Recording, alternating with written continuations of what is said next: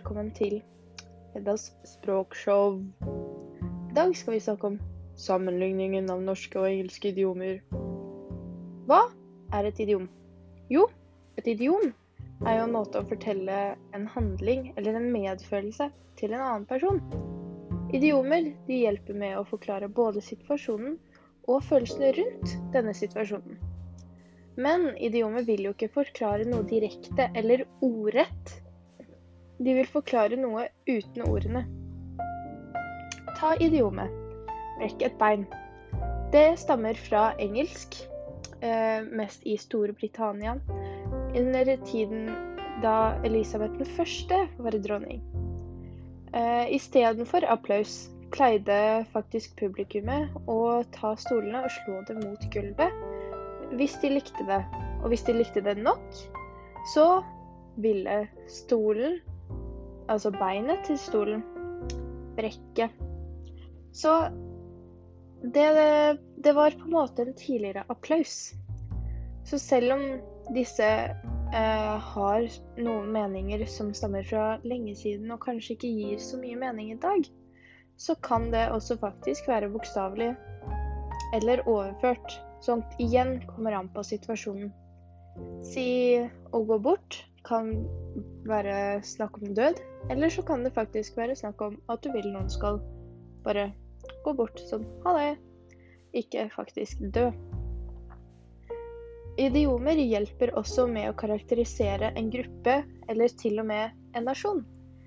Fordi selv om du kommer fra en nasjon der, de, der det er flere land da, som snakker samme språk, som si Peru og Colombia eller Storbritannia og USA, så har de forskjellige uttrykk som viser hvor de er fra.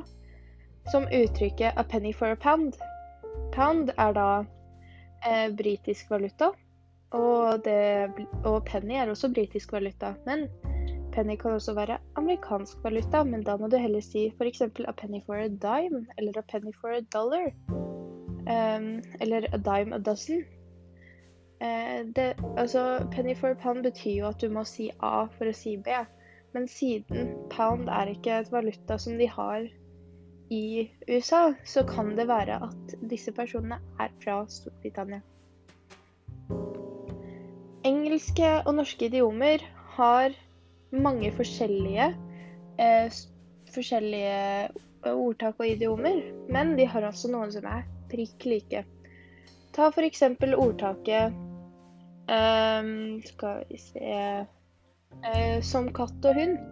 Det heter også 'like cat and dog' på engelsk. Så dette betyr at du sammenligner to helt motsatte ting. Ting som ikke burde bli sammenligna, da. Fordi du vet at de er to forskjellige ting. Men så har du uttrykket 'ugler i mosen'. Det er ganske så norskt uttrykk skandinavisk. De sier nok det i Danmark også.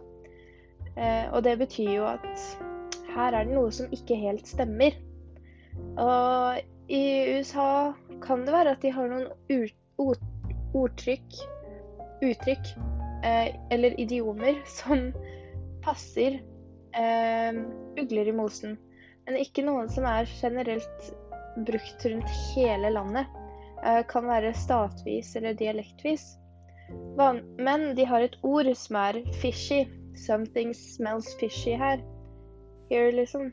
Det er jo på en måte å vise at igjen det samme som ugler i mosen. Her er det noe som ikke helt stemmer.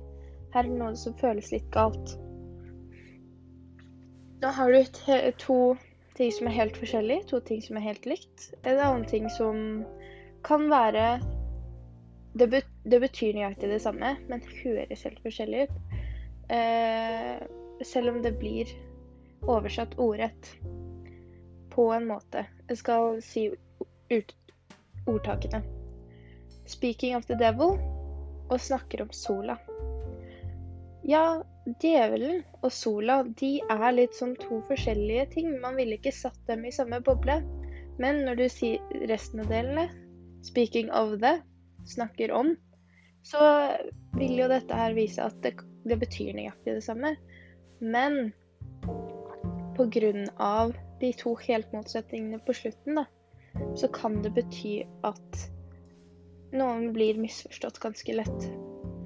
Egentlig så stammer jo 'Speaking of the Devil' fra eh, Storbritannia 1600-tallet.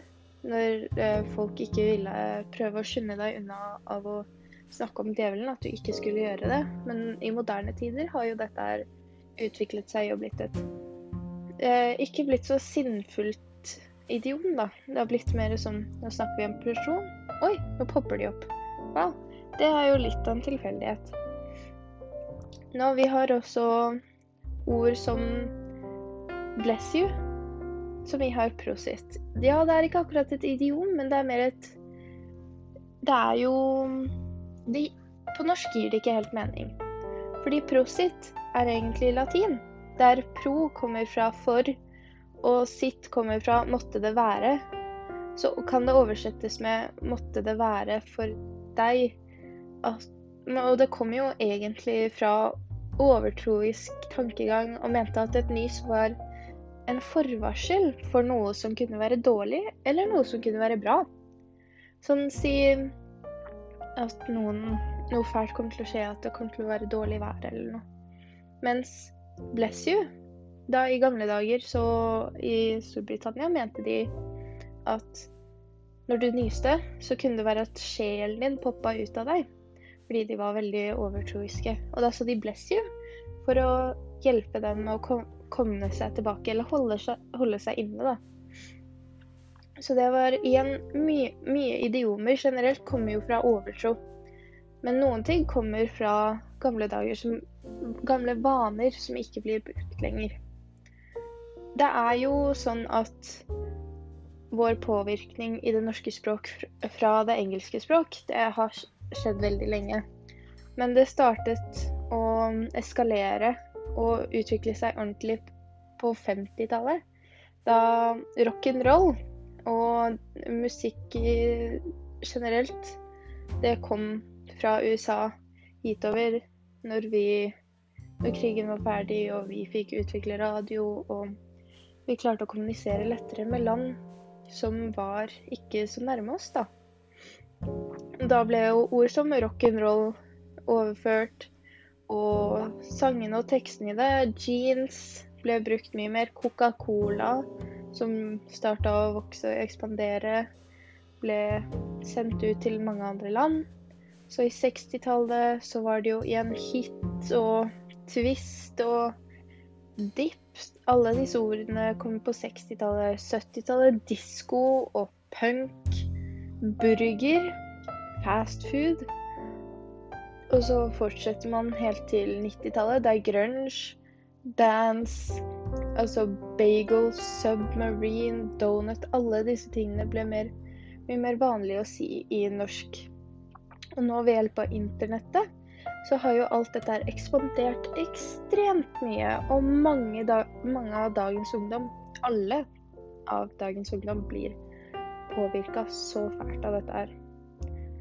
Så ja, altså det, det er jo så lett å sammenligne disse her, men vi må også se på at noen karakteristikker av disse idiomene, de gir ikke mening å oversette, og andre ting så prøver vi å få det samme ved å si det på en mer gammeldags måte.